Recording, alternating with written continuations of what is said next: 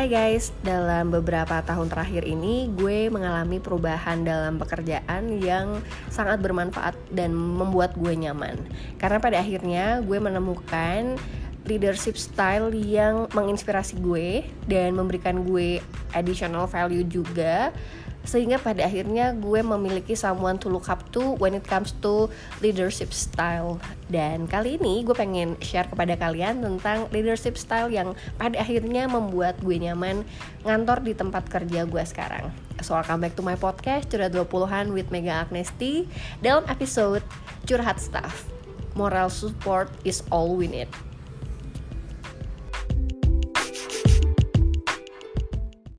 sebagai orang yang sangat suka banget sama film The Devil Wears Prada dan gue sangat worshipping Anna Wintour. Jadi gue merasa seorang leader yang fierce, yang koleris itu adalah salah satu goals yang ingin gue capai untuk menjadi that kind of leader. Dan pada akhirnya ketika gue kerja di dunia nyata, ketemu orang-orang, ketemu atasan-atasan yang um, ya most likely tipikalnya seperti itu ya. Pasti banyak lah leader itu memiliki jiwa koleris yang cukup tinggi dan pada akhirnya kita itu bekerja bukan karena respect them but we fear them. Jadi beda ya antara bener-bener kita respect kepada atasan kita tapi uh, ada juga tipikalnya yang pada akhirnya justru malah takut gitu. Kerjanya tuh bukan fun tapi kerja under pressure kerja untuk nyenengin atasan aja supaya tujuannya tuh dia nggak ngomel-ngomel nggak marah-marahin kita gitu kan. Sehingga banyak nih hal-hal yang gue lalui dalam hidup ini yang salah satu membuat gue sering pindah pekerjaan adalah karena atasan gue itu most likely bukan tipe yang menginspirasi bukan tipe orang yang membuat gue akan respect kepada dia tapi justru membuat gue takut kepada mereka di beberapa episode sebelum ini tuh gue sering mention kan kalau lo punya atasan yang bisa diajak ngobrol then that's good. Kalau atasan lo bisa diajak diskusi then that's good. Um, memang atasan-atasan gue sebelumnya tuh tipikalnya bisa diajak berdiskusi gitu but there is this missing thing yang akhirnya gue ngerasa oh this is the thing that I didn't get from my previous bosses sampai akhirnya gue berada di kantor gue yang sekarang. Ini doesn't mean gue bad mouthing bos gue ya, but I understand bahwa masing-masing atasan itu memiliki leadership stylenya sendiri-sendiri gitu. But the thing is, ketika gue mengalami uh, apa ya, well uncomfortable experience with my ex bosses gitu ya, professionally karena personally gue sangat baik-baik saja sama mereka, professionally gitu ya um, ternyata it affecting my leadership styles tuh. Jadi ketika gue mendapatkan tipe bos yang koleris banget yang sukanya ngatur-ngatur ya yang dominan yang kadang micromanaging akhirnya I became that kind of person and I feel so awful. Gue kayak ngerasa misfit gitu loh karena apa yang gue dapatkan selama ini dari atasan-atasan gue. Of course cara kepemimpinan pada akhirnya I look up to them kan karena that's how they treat me that's how they apa ya show me uh, about leadership style gitu kan.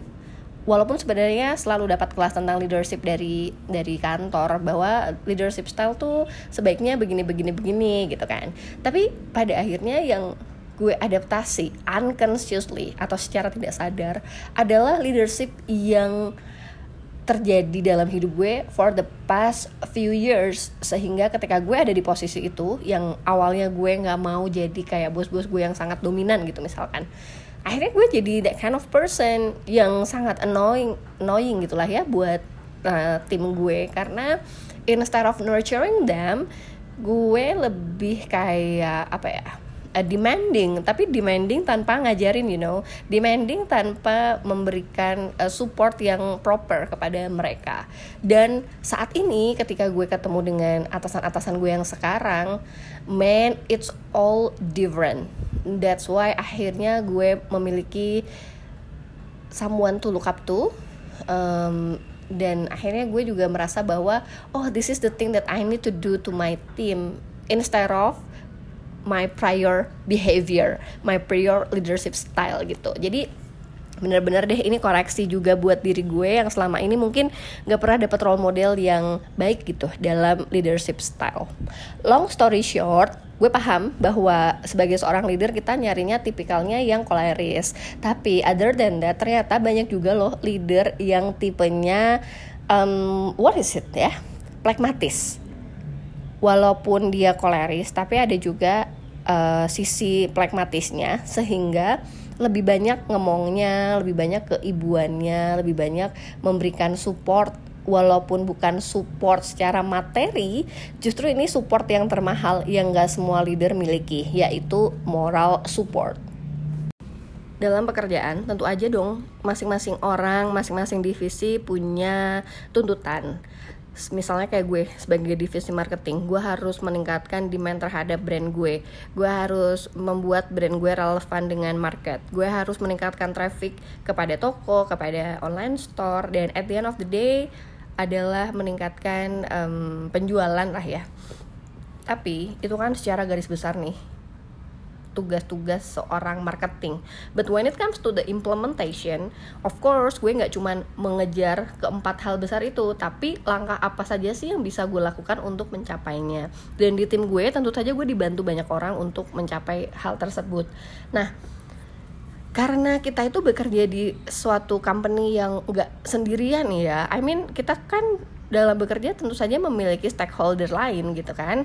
Uh, harus ada pihak ketiga agency enabler um, lot lah ya.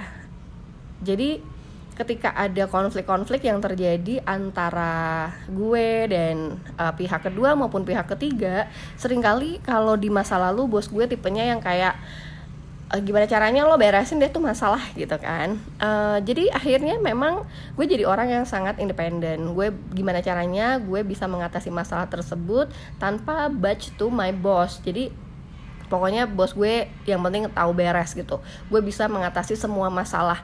Nah tapi ternyata hal ini tuh um, suatu saat akan membuat lo tuh meledak gitu kan. Ketika yang lo hadapi adalah orang yang sulit dan bukan hal yang mudah di mana kapasitas membuat decision itu bukan berada di tangan lo tapi atasan lo. Ada tipe leadership style yang yang penting gue taunya itu beres gitu kan. Uh, ketika gue digituin sama bos gue of course gue juga ngegituin sama tim gue kan. Dan gue nggak pernah mau tahu. Pokoknya gue nggak mau tahu ya masalahnya gimana gimana gimana. Yang penting gue tahu ini beres gitu kan. Misalkan seperti itu. And it happen gue feel awful to my team juga karena ternyata uh, I become that kind of person yang aduh aduh, aduh gue pusing deh gue nggak mau tahu ya gimana caranya lo hadapi masalah itu tanpa memberikan support apa pun, tanpa memberikan guidance apa pun how to solve that problem. And you know what? Itu kan masalah kecil-kecil ya kadang. Dan ketika masalah itu gede sampai akhirnya keluar ke, ke permukaan dan lo udah nggak bisa me berbuat apa pun menyelesaikan masalah ini gitu ya barulah gue datang ke atasan gue dan barulah misalnya tim gue datang ke gue gitu kan which is it's just too late to handle most likely ya walaupun nggak semuanya. Tapi most likely ketika kita terbiasa disuruh A B C D E F G sendiri mengatasi masalah sendiri dan ketika udah worst case banget lo nggak bisa mengatasi masalah tersebut barulah lo uh, angkat bendera putih ke atasan lo gue nggak sanggup nih gitu kan.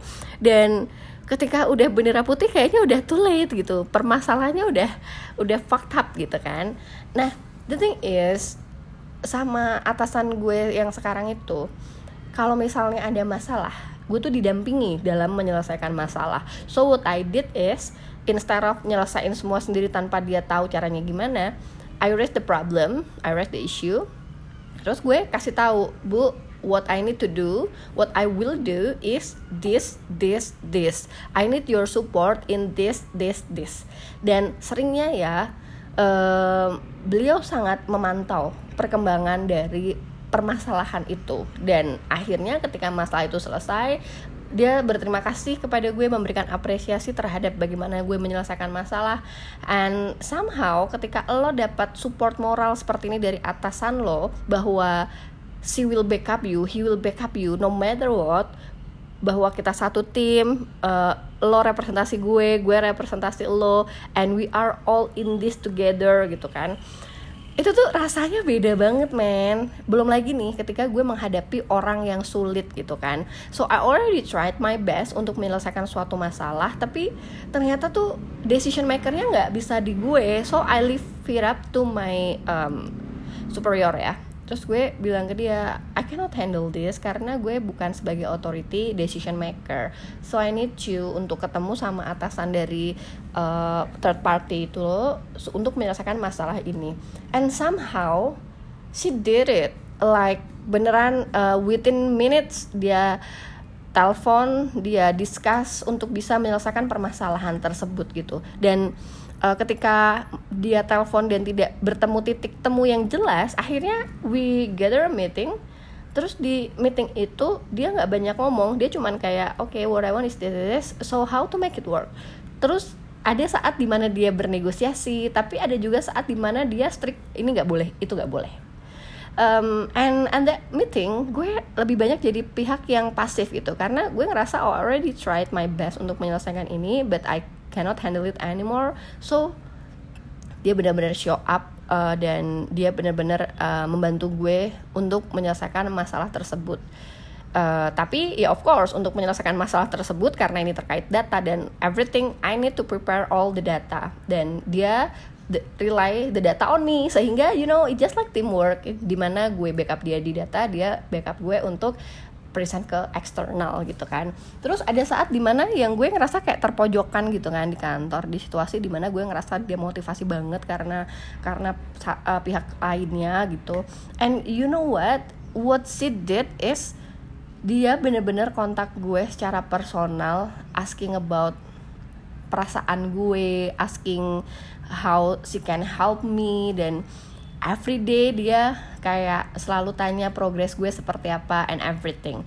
And you know what? At the tough time at the office dia memang nggak membantu banyak secara pekerjaan teknikal. Tapi dia selalu ada di sana untuk membantu gue memberikan gue dari moral support. And you know what kayak dikasih moral support sama bos lo tuh lo ngerasa kayak oke okay, oke okay, I'm a strong person I can do this I can uh, go through it gitu kan. Sehingga akhirnya gue apa ya akhirnya gue merasa kesimpulan dari semua pekerjaan ini teamwork itu nggak melulu soal pembagian tugas dan technical thing tapi ternyata ada hal-hal yang sering kali missing yaitu moral support. Ketika gue uh, kepada tim gitu ya uh, mereka melakukan hal yang salah instead of gue marahin mereka what I need to do first is cari tahu isunya apa, masalahnya apa, and how we can handle this problem. Of course, suatu saat gue akan marahin dia ketika ini sudah selesai semua. But the thing is yang harus kita lakukan sekarang adalah mengatasi masalah tersebut gitu. Dan um, karena kadang gue juga nggak bisa memantau masalah-masalah tersebut progresnya sampai mana, what I give give them is my support juga kayak selalu minta update, selalu nanya kabarnya gimana, terus selalu memastikan lo butuh support apa dari gue and everything. So gue merasa banget ada perubahan dalam tim gue di mana tim juga semakin solid. Meski gue tahu banget gue bukan tipe leadership leader yang yang baik gitu ya yang belum oke okay banget belum sempurna. But the thing is I really like the progress in me in myself dan in my team. Karena apa?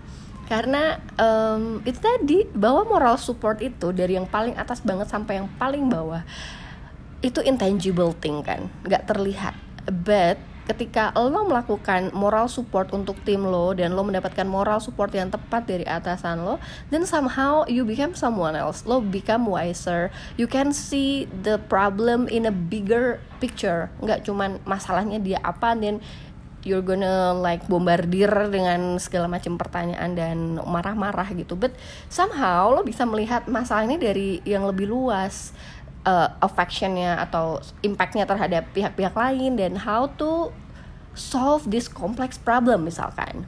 Jadi gitu. Apa ya kesimpulannya? Kesimpulannya adalah bahwa ternyata moral support itu sangat sangat bermanfaat banget untuk um, untuk apa ya? Untuk untuk untuk memperkuat tim dan untuk menyelesaikan masalah juga gitu.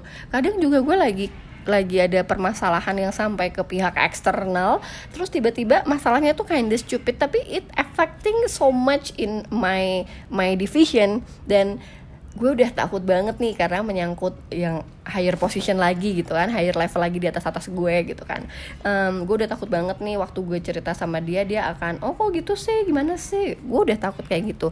Yang ada dia tuh ketawain kayak oh my god this is so funny. Kenapa lo bisa kayak gini sih? It doesn't make sense. Lah lah but then habis itu kita ngetawain masalahnya bareng.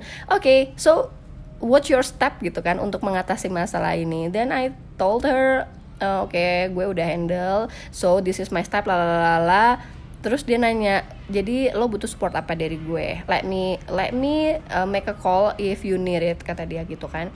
And I was like no no no gue cuma mau update ke lo bahwa permasalahannya tuh ini lo. Dan dia benar-benar memberikan support di mana sehari setelahnya tuh dia langsung kayak nanya walaupun udah ada email follow up ya tapi dia langsung personal nanya gimana? Permasalahannya udah selesai belum? Lo butuh apa lagi dia tuh selalu make sure bahwa apa pun masalah yang terjadi di divisi gue dia selalu uh, ada di sana untuk support gue. Walaupun secara teknikal dia misalnya nggak bisa support setidaknya dia bisa ngasih moral support yang gue dan tim butuhkan. Dan dari is time ya yang gue sangat sangat appreciate dia.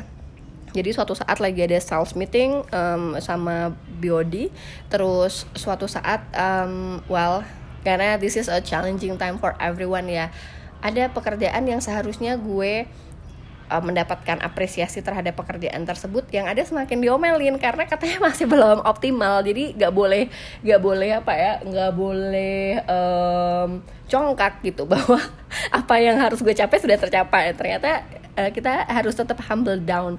Tapi kan gue sebagai orang yang sudah sangat berusaha kuat untuk mencapai target tersebut tiba-tiba nggak ada apresiasi yang ada malah makin disalahin gitu ya uh, tapi tiba-tiba dia dia langsung kirim email ke gue. Kita posisi duduknya seberang seberangan dia langsung kirim email ke gue I know you tried your best. Jangan sampai uh, kalimat negatif orang lain let you down.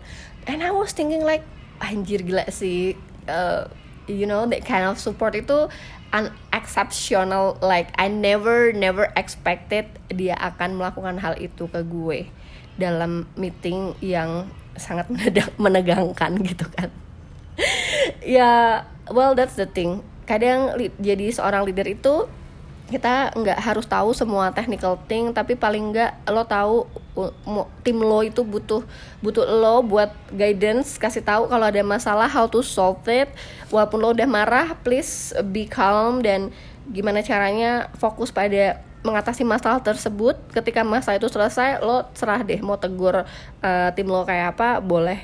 Tapi ingat bahwa tim lo itu kadang juga butuh arahan tim lo juga butuh moral support in that um, challenging time in that darkest hours in that tough time. So yeah be that kind of person be that kind of leader yang sangat supportive yang juga uh, solutif yang bisa apa ya lebih berkontribusi kepada tim baik dari technical pekerjaan maupun personal support atau moral support. So that was one case ya dan another case is gue tuh punya another leader juga masih di company yang sama. The thing is uh, walaupun dia tuh under pressure ya tapi dia nggak pernah menunjukkan dia itu under pressure dan marah-marah atau grumpy gitu dia tuh leader yang paling wise karena menurut dia bekerja itu should be fun kalau lo fun, kalau lo happy sama pekerjaan lo, happy dengan environment, happy dengan happy dengan teman-teman lo, lo tuh jadi, akan lebih produktif gitu. So the thing is, ya dia akan selalu membuat environmentnya menyenangkan meski pekerjaannya beliau sangat berat. Walaupun menyenangkan ya, tapi dia tuh punya yang namanya uh, semacam invisible space invisible distance. Jadi dia tipe hangat ke semuanya but somehow lo akan segen gitu sama dia. Um, that kind of charming persona charming thing itu membuat gue juga merasa bahwa oh bisa ya ternyata orang tuh jadi charming tapi juga uh, respectable gitu. Jadi um, it always fun it always apa ya easy gitu to work with with her. Dan dia selalu kalau si bos gue yang satu ini very very uh, excel at technical thing jadi dia tuh bisa mengatasi masalah lo dari sisi technical dan juga bisa memberikan environment kerja sama lo yang menyenangkan. So that's the thing. Instead of lo punya target tinggi dalam pekerjaan, instead of lo jadi grumpy person, jadi orang yang sangat dominan, koleris, hobinya marah-marah, um, she show me bahwa dalam apa ya, dalam target yang enggak achievable yang agak-agak impossible to reach gitu ya. Tapi kalau lo stay calm stay positive uh, stay fun and you make your whole team untuk bisa menikmati pekerjaannya juga it's gonna be different result gitu. Uh, tapi karena beliau sangat technical banget ya sehingga memang pekerjaan sama dia sesulit apa pun bisa cepet dan dedikasi dia terhadap pekerjaan tuh tinggi banget sih tapi dia nggak pernah lupa untuk have fun. So the thing is kayak TGIF gitu ya. Gue nggak bisa yang TGIF sama dia hampir tiap minggu nggak bisa. Tapi ada some point yang kayak oh oke okay, let's go out for TGIF karena ini menyenangkan sekali nih kalau kita habis kerja seberat ini terus kita have fun gitu kan. Tapi nanti ya misalnya ada suatu acara sama dia yang kita benar-benar kerja sampai jam 2 pagi nanti jam 6 pagi dia udah standby di acara tersebut udah all good udah very well um, appearance. Terus gue kayak banyak uh, kayak merasa bahwa gila ya si ibu ini tuh tidurnya bagaimana gitu? Kok bisa bener-bener bisa apa ya on hanya dalam tidur 3-4 jam? Wow karena memang dia sangat passionate terhadap pekerjaannya dan um, she knows kalau role dia itu sangat strategik. Kalau misalnya dia yang menjadi backbone dari se sebuah timnya maka dia harus take care kebahagiaannya dia dulu. Dia harus take care dirinya dulu uh, baru dia bisa bikin the whole team jadi jadi apa ya jadi suatu um, organisasi yang yang happily working gitu. So yes itu adalah salah satu inspirasi gue juga dari sosok seorang leader di mana beliau sangat pintar dalam technical tapi dia juga um, berusaha untuk selalu membuat pekerjaan dia dan timnya itu fun menyenangkan. Jadi hasil kerjanya pun maksimal. Dan ada lagi satu tipe ini beliau tuh sangat keibuan banget. Hmm, di awal-awal bekerja karena tadi gue bilangnya gue anaknya tuh sangat sangat dominan sangat koleris uh, dan juga impact dari pekerjaan-pekerjaan gue sebelumnya yang membuat gue akhirnya jadi seperti ini. Gue tuh tipenya outspoken dan uh, frontal gitu. Jadi kadang gue uh, terlihat sangat wah gila nih orang berani banget ya kayak gini. Jadi apa ya um, rebel istilahnya rebel ya jadi kadang gue tuh terlihat rebel dan gue sangat berani gitu untuk untuk untuk um, apa ya semacam kayak nyalah nyalahin orang. Bukan nyalahin orang gimana ya? Akan ngejerin orang kalau salah gitu. Sampai suatu ketika uh, si ibu ini ngajarin gue untuk Mega kita tuh nggak harus selalu menang. Dan ingat ya pekerjaan itu bukan kompetisi kamu sedang tidak berkompetisi. Jadi ini kita tuh kerja sama. So you need to change your mindset. Gimana caranya um, kita selalu menjadi uh, problem solver dan kita cari win-win solution dan kita juga harus memahami uh, counterpart kita itu keadaannya gimana, memahami cara berpikir dia kenapa dia dia membuat keputusan seperti itu. Kamu marah boleh, kesel boleh, tapi pas tapi sampaikanlah secara sistematis bukan kayak orang yang lagi marah-marah gitu so you need to write down the point apa aja yang harus di di develop atau apa aja yang harus diimprove dari pekerjaan counterpart kita uh, kadang juga kita nggak boleh menyerang harus tahu juga kapan orang merasa malu. Kita terus kita mm, meng mengalah itu bukan berarti kalah. Terserah mereka mau mikir kita mengalah kalah atau gimana. Tapi kadang itu kita harus merendahkan ego merendahkan hati untuk bisa mencapai uh, target kita dalam jangka panjang bukan short term. Ingat kita tuh kerja adalah maraton bukan sprint. And I was thinking like gila ya emang ya saat ibu ini tuh uh, sangat-sangat keibuan sekali. Dan over the time gue belajar banyak dari uh, si ibu bahwa sifat keibuan itu oke okay loh dalam menerapkan uh, leadership style gitu. Dan untuk memiliki sifat keibuan kita nggak harus punya anak dulu gitu. Anggap aja yang bekerja untuk kita adalah anak-anak kita. Jadi uh, instead of nyuruh-nyuruh tanpa tanpa ada direction yang jelas instead of marah-marahin mereka gitu why don't we nurture them dengan ya mungkin memang harus lebih sabar sedikit. Begitupun dengan external part atau misalnya dengan uh, second atau third party uh, kadang kita juga harus melihat sisi mereka berpikir tuh seperti apa, kenapa bisa demikian dan ketika ada masalah itu bukan sebuah kompetisi. Kita ada masalah itu karena kita bekerja sama terus tiba-tiba ada yang enggak ketemu jalan tengahnya then what we need to do is find the solution. Enggak berkompetisi mana yang benar mana yang salah. Dan um, beliau tuh selalu put God in everything she did everything she does. Jadi selalu libatkan Tuhan dalam dalam pekerjaan kita, dalam keputusan-keputusan yang kita ambil, dalam sikap kita ke tim, sikap kita ke all external parties dan percayalah Tuhan tuh akan selalu bantu kita kalau misalnya kita ada jalan buntu. Just ask him, just ask him. Just put him in every step that we take every day. So I was thinking like, wow, memang ya kadang faith itu juga membuat kita percaya gitu loh bahwa oh Tuhan kasih kita ini pasti ada pelajaran yang akan kita ambil di depannya. Tuhan pengen mendidik kita untuk this this this this. So dari tiga tipe atasan ini akhirnya gue tuh kayak wah gila sih ini tuh shape me into another person banget. Karena memang selama ini gue dapet tipikal atasannya yang kayak gue sebutkan tadi koleris tapi akhirnya akhir-akhir ini gue dapet atasan yang very very supportive.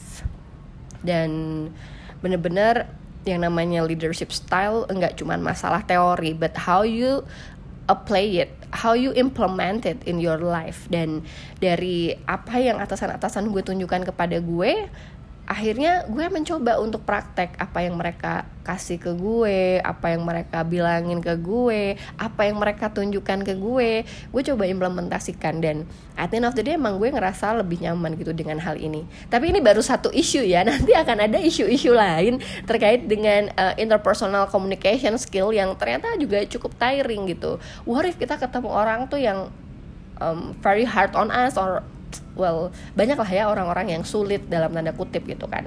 Dan menghadapi orang-orang sulit ini juga butuh strategi baru gitu. Cuman kata ibu uh, kita dikasih Tuhan cobaan orang yang sulit tapi suatu saat ketika kita berhasil melembutkan hatinya uh, dan kamu tuh pasti akan harvest a good thing from this.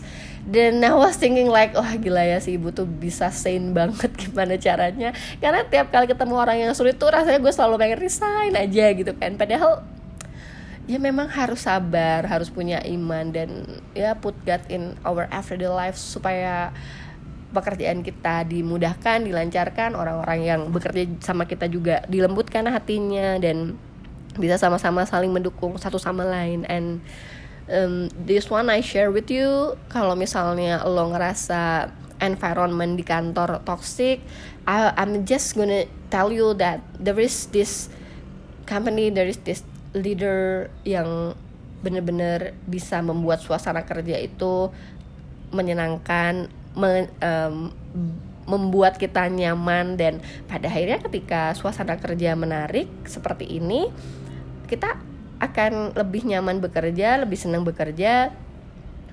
Cara bekerja kita juga berubah uh, dan at the end of the day mudah-mudahan resultnya juga jadi lebih baik karena kita bekerja dengan hati, orang lain juga punya hati. Uh, jadi mari kita jaga hati masing-masing supaya lebih passionate terhadap apa yang dia kerjakan apalagi di saat-saat yang challenging kayak gini ya uh, kalau misalnya punya atasan yang menenangkan menyaman membuat hati nyaman itu sangat-sangat apa ya bener-bener sebuah blessing sih menurut gue. Karena nggak semua orang memiliki hmm, memiliki privilege untuk merasakan kenyamanan tersebut. Dan percayalah bahwa bahwa apa ya atasan yang keibuan itu nggak selalu negatif. Karena biasanya kalau keibuan dianggapnya nggak bisa kerja gitu. Padahal tetap aja ada sisi kolerisnya. Kalau beliau nggak koleris beliau nggak akan ada di posisi itu kan. Uh, dan humanisme itu penting banget di workplace. Uh, mereka mereka yang bekerja dengan kita baik tim kita peer kita atasan kita they are all human. Jadi mereka juga butuh dimanusiakan. Uh, mereka bukan robot so mereka punya feeling juga. So yeah please um, be nice to everyone. Dan mudah-mudahan apa yang gue sampaikan tuh bener-bener setidaknya membuat kita yang awalnya anak-anak dominan, anak-anak yang koleris bisa berubah uh, bahwa ternyata being a pragmatic person, a pragmatic leader itu juga not bad loh.